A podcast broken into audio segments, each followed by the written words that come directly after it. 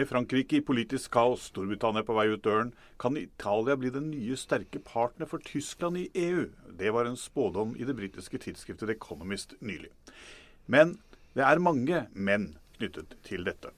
Mitt navn er Alf Olask. Som du forstår, dagens sending er viet Italia. Med meg i studio har jeg redaktør Per Anders Madsen, som var Aftenpostens siste korrespondent i Roma. Journalist eh, Per Christian Aale, som i en årrekke har dekket Italia som europakorrespondent. Og i fjor kom med boken 'De modige italienernes opprør mot mafiaen'. Og om ikke det er nok, mot slutten av programmet kommer en mann som vet hvordan Italia smaker. Vår vinekspert Geir Salvesen, som skal snakke litt om Italia og vin. Italia har hatt statsministre som enten har vært svake eller opptrådt som klovner, eller begge deler. Matteo Renzi, dagens uh, italienske statsminister, er en forholdsvis uh, ung mann. Og er det nå slik at vi ser konturene av en ny politisk leder som skal spille en rolle på den europeiske arena, Per Christian? Ja, jeg tror det. Eh, Matteo Renzi er på mange måter et italiensk svar på Tony Blair. Han er karismatisk, han er dynamisk, og eh, han får eh, mye gjort. Eh, Italia har jo vært preget av økonomisk stagnasjon i, eh, helt siden millenniumsskiftet. Eh, og noe måtte gjøres, og det er Matteo Renzi i ferd med å gjøre. Men det har vært mange som har forsøkt å reformere Italia. Anders, og, og, eh, hvorfor skal han lykkes? Nei, jeg eh, vet ikke helt om han kommer til å lykkes så veldig mye bedre enn eh, forgjengeren. For min del. Det er jo helt riktig at han viser en annen handlekraft. Og det at, altså, at han er så mye yngre enn det som har vært altså tidligere stat, italienske statsminister, har gitt ham et vitalt image. Han var en populær borgermester i Firenze før han ble statsminister. Så han har eh, absolutt vist at han eh, kan få til noe. Men han har jo ikke klart å dra Italia ut av den eh, økonomiske stagnasjonen som, som landet har vært i, i, i mange år. det kom til å handle mye om eller hvordan, altså utfallet denne, til denne folkeavstemningen som skal komme i oktober, som handler om en, en reform av konstitusjonen, reform av det parlamentariske systemet, det tror jeg kommer til å avgjøre ganske mye. Eh, det, det, er også noe man har prøvd på mange ganger i Italia før. Å reformere valgsystem, reformere hvordan nasjonalforsamlingen arbeider. Men nå er det en folkeavstemning.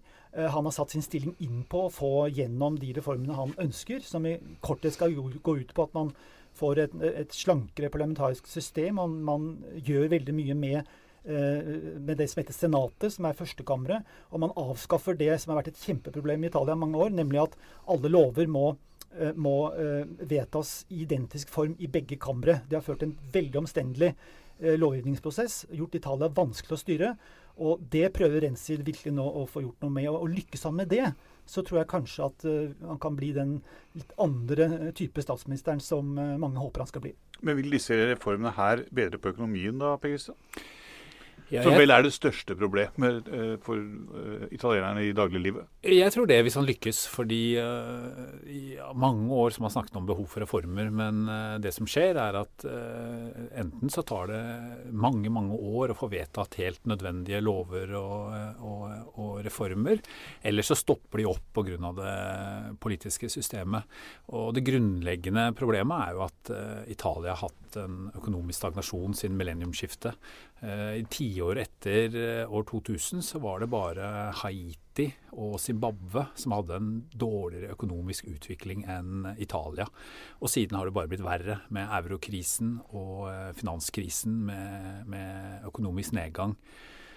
Og dette kan man lese av statistikken. Det er 11% arbeidsløshet. Veksten i Italia i fjor var på 0,8% De har 133% av GP i, i, i, gjeld, som jo tynger enhver en, en regjering. Og, og, og, det må jo dramatiske grep til for å få dette landet ut av de økonomiske problemene det er inne i. Ja, Det er en kjempeutfordring. Og, men 0,7-0,8 eh, vekst i fjor høres jo veldig lite ut. Men i italiensk sammenheng så er det et lyspunkt etter, etter eh, stagnasjon og nedgang i mange år. Og i år ligger det an til kanskje 1,4-1,5% vekst. Eh, og det er faktisk en betydelig, betydelig framgang. Uh, men den store utfordringen er jo statsgjelden, som er som du sier, som er på 133% Det er uh, bare slått av Hellas. Og i absolutte tall så er det desidert høyeste statsgjelden i Europa. Og det er koblet med en stadig aldrende befolkning. Unge italienere som får færre færre barn.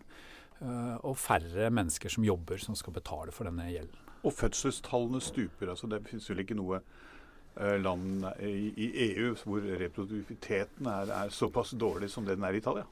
Nei, Jeg tror det er helt på bunnen, også, hvis ikke det er aller sist. Uh, og, men det er veldig tøft å være ung i Italia i dag. Altså, Italia er et dyrt land.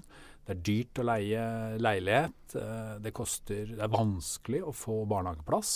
Og hvis du får det, så er det veldig dyrt. Og det er lite støtte å få fra det offentlige. Og unge italienere i dag som har, de kan ha høy utdannelse, gjerne én og to utdannelser, men enten så får de ikke jobb, eller så får de en dårlig betalt jobb med korttidskontrakter. Eh, mens eh, den eldre befolkningen gjerne er fast ansatt eh, og har godt betalt, men er nesten umulig å sparke. Men eh, du har jo bodd i Italia, eh, Per Anders. og Eh, tilbake til den tida. Ja. Diskusjonen var jo mye av den samme den gangen som det, den er nå. Ja, Det er helt riktig. Det, dette med de lave fødselstallene f.eks. var jo et fenomen også den gangen. En av de første tingene jeg skrev for Italia, det er snart nå 20 år siden, handlet om akkurat de tingene vi snakker om nå. Og det er, litt, det er på en måte både en styrke og en svakhet. Det er en, det er en svakhet som, fordi det illustrerer at et landet sliter kolossalt med å komme ut av disse grunnleggende strukturelle problemene knyttet til økonomi og arbeidsmarked, som vi nettopp snakket om. På den annen side så viser jo Italia både eh, til, sin egen, eh, jeg, til seg selv og til omverdenen at eh, de går ikke helt på dunken heller. De klarer å håndtere dette på sett og vis over lang tid. Det var en gang Under finanskrisen så ble det jo sagt at det at, det at krisen er mer eller mindre permanent, er en slags beskyttelse mot at den blir helt akutt. Altså i forhold til dialogen med Brussel og, og, og, EU. Og, og, liksom tilliten til at Italia tross alt klarer å håndtere voldsomme, denne voldsomme gjeldsproblematikken. Så, så, det er en rar sånn dobbelthet knyttet til uh, den italienske situasjonen, slik jeg, slik jeg ser det, som, som, gjør at det liksom både blir en slags positiv og en negativ side ved at problemene eh, er så langvarige, og, og situasjonen dypest sett såpass konstant som den er. Men, Et annet ja. tegn på den langvarige krisen er jo hjerneflukten. Altså Italia har jo den mest alvorlige hjerneflukten i Vest-Europa. Uh, og den har pågått helt siden begynnelsen av 90-tallet. Altså Dette er ikke noe som kom med eurokrisen og finanskrisen, men uh, har pågått veldig, veldig lenge. Og Det interessante er at intervjuer uh, unge italienere som tar høy utdannelse og spør hva de ønsker å gjøre etter utdannelsen, så er det veldig mange som sier at de vil reise til utlandet. Mm. Jeg, mange jeg intervjuet for noen år siden, fortalte at de ville reise til Spania. Og Da ble jeg veldig overrasket, fordi at Spania hadde mye høyere ledighet. Men det de fortalte var at i Spania, selv om det er høy ledighet, så er det mye større sjanse å få jobb og klare deg og, og få en karriere hvis du står på og er dyktig. Mens i Italia er det jo ikke sånn. I Italia er det sånn at da må du ha en onkel, en far eller bestefar som jobber et sted med kontakter, som fikser deg en jobb. Uavhengig om du er flink eller ikke. Jeg, jeg tror Et tilleggspoeng til, til dette er, er, akkurat det, det, som i mange år ble sett på som styrken i det italienske næringslivet, nemlig at eh, ryggraden består av små familieeide bedrifter, små og mellomstore bedrifter, særlig lokalisert i Nord-Italia, som produserer kvalitetsvarer. Alt fra sko til våpen til mote, moteklær. Det er liksom den ryggraden i italiensk økonomien og ble sett på som en styrke i mange år fordi den er eh, smidig, omstillingsvillig. De arbeider hardt. Det var mange positive sider. De siste årene så er, er dette trukket fram mer som en svakhet, fordi dette er tross alt små bedrifter eh, eh med, med, lite evne til innovasjon. Eh, små eller ikke-eksisterende forskningsavdelinger, apropos det du sa om, om hjerneflukt. Sånn at det som på mange år ble, eh, ble trukket fram som en styrke, er, har også vist seg å være en eh, svakhet.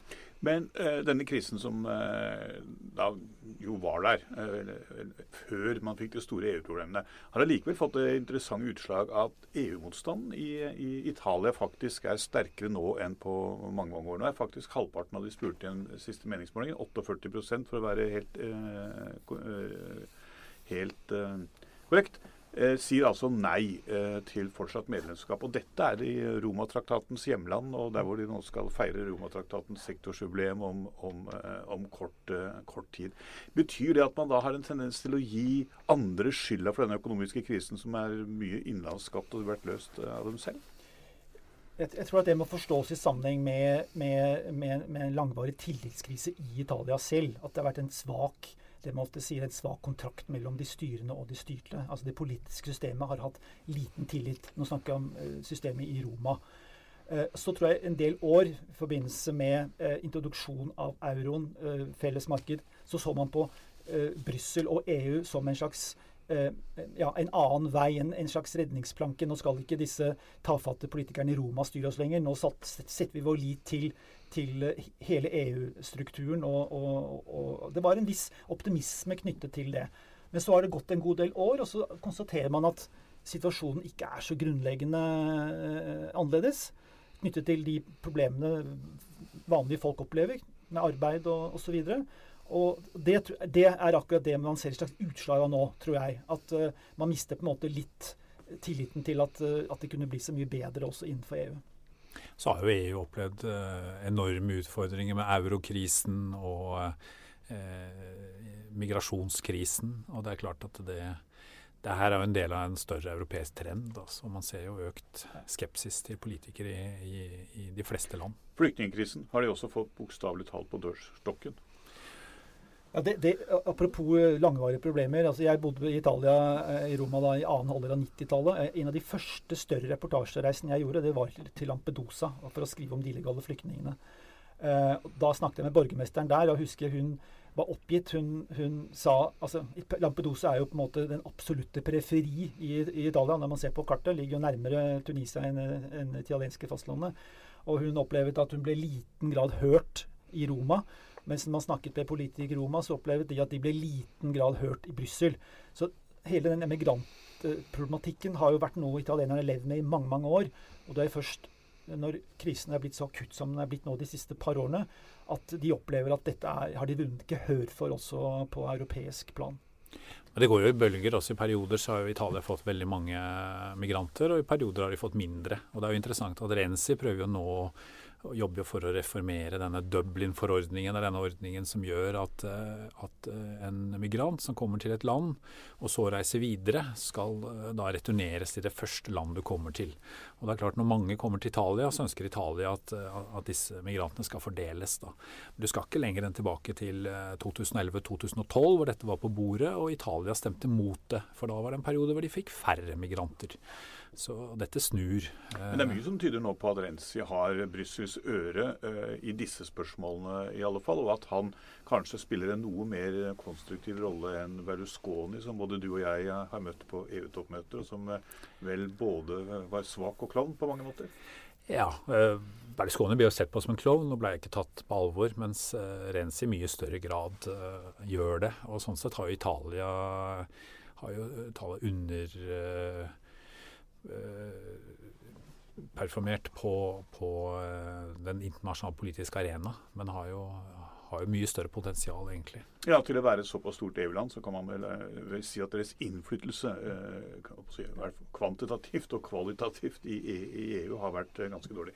Vi må vri debatten litt. Eh, når man snakker om italiensk økonomi, så kommer man ikke unna den store svarte økonomien. Da jeg var der på reportasjereise for noen år siden, så intervjuet jeg en, en italiensk professor som jeg konfronterte med da, den store svarte sektoren i landet, eh, og spurte liksom hva de ville gjøre med det i forhold til å, å arrestere folk og sånn. Og da sa han til meg mener du virkelig fullt alvor at vi skal sette en italiensk mann som er villig til å jobbe i fengsel fordi han ikke betaler skatt.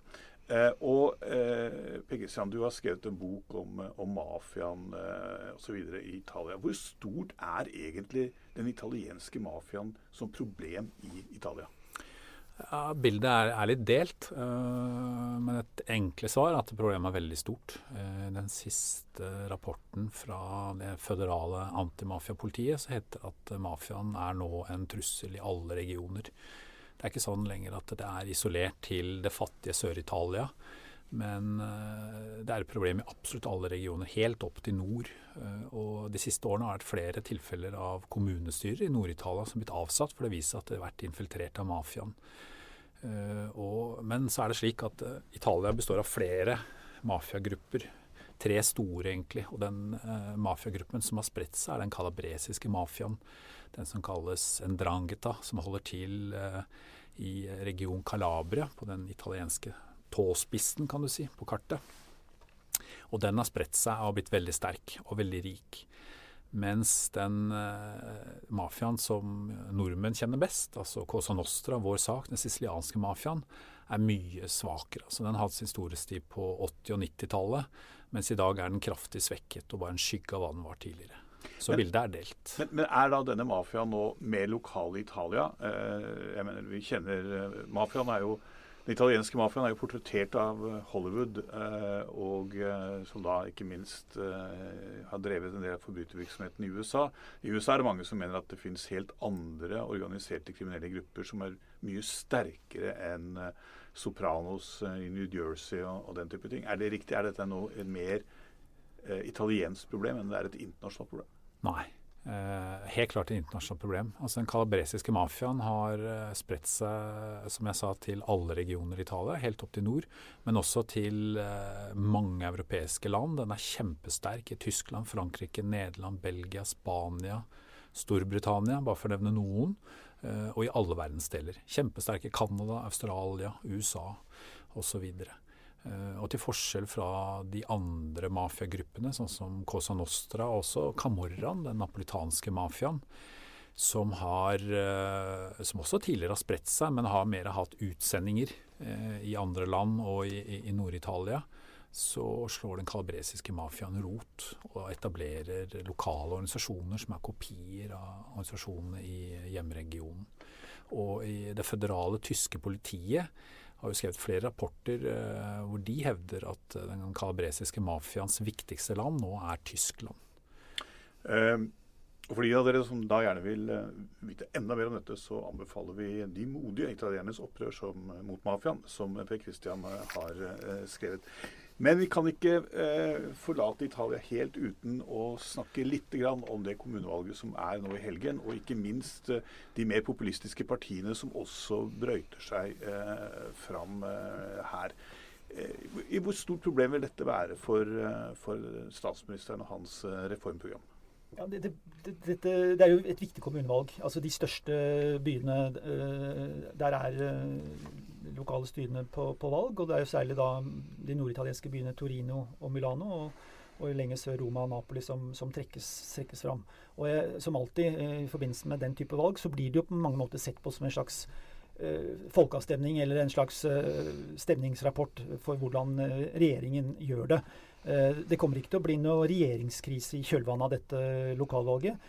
Men eh, hvis Renzi og hans partifeller gjør det svært dårlig. Hvis de f.eks. skulle tape Torino, hvor, hvor, hans kandidat, eller altså Rensis kandidat, er, er, favoritt.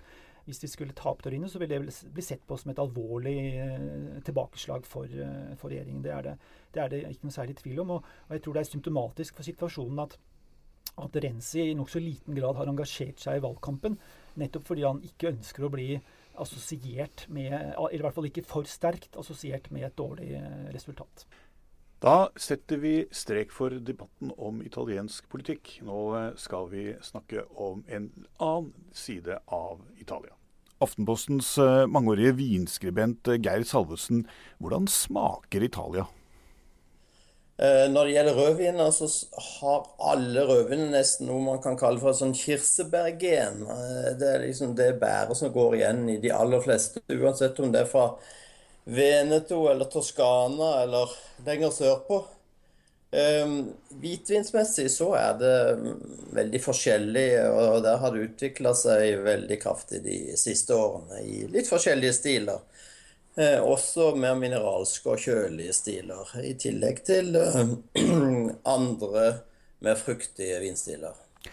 Hvordan er det? Er eh, den eh, italienske vinindustrien like dominert av eh, familier, litt mafiatendenser, alt dette mystiske som vi har snakket om når det gjelder Italia?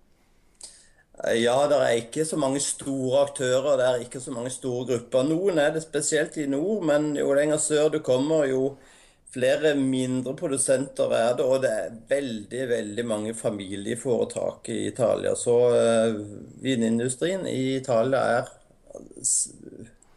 90 familiedrevet, vil jeg si. Er uh, italienske viner en typisk sommervin? Er det det vi skal drikke nå eh, når det er som varmest og flottest her i Oslo? Ja, det passer veldig fint. Det er i hvert fall hvitviner fra Suave eller fra Marke eller Campagna eller Valpolicella fra eh, Veneto. Et særkjennetegn ved dem er at de passer godt til mat. og De er lettere i stilen, og de er ikke så tanninrike og heller ikke så utfordrende å smake på. Derfor passer de veldig fint nå om sommeren. Og Med den anbefalingen setter vi sluttstrek for eh, denne ukens Aftenposten Verden. Du eh, finner oss eh, selvfølgelig på Twitter og Facebook. Kom gjerne med tips og med kommentarer. Aftenpostens utenriksjournalistikk finner du også på alle plattformer. Ja, du finner oss til og med på papir i en postkasse nær deg. Mitt navn er fortsatt Alf Ole Ask, og vi er tilbake om en uke.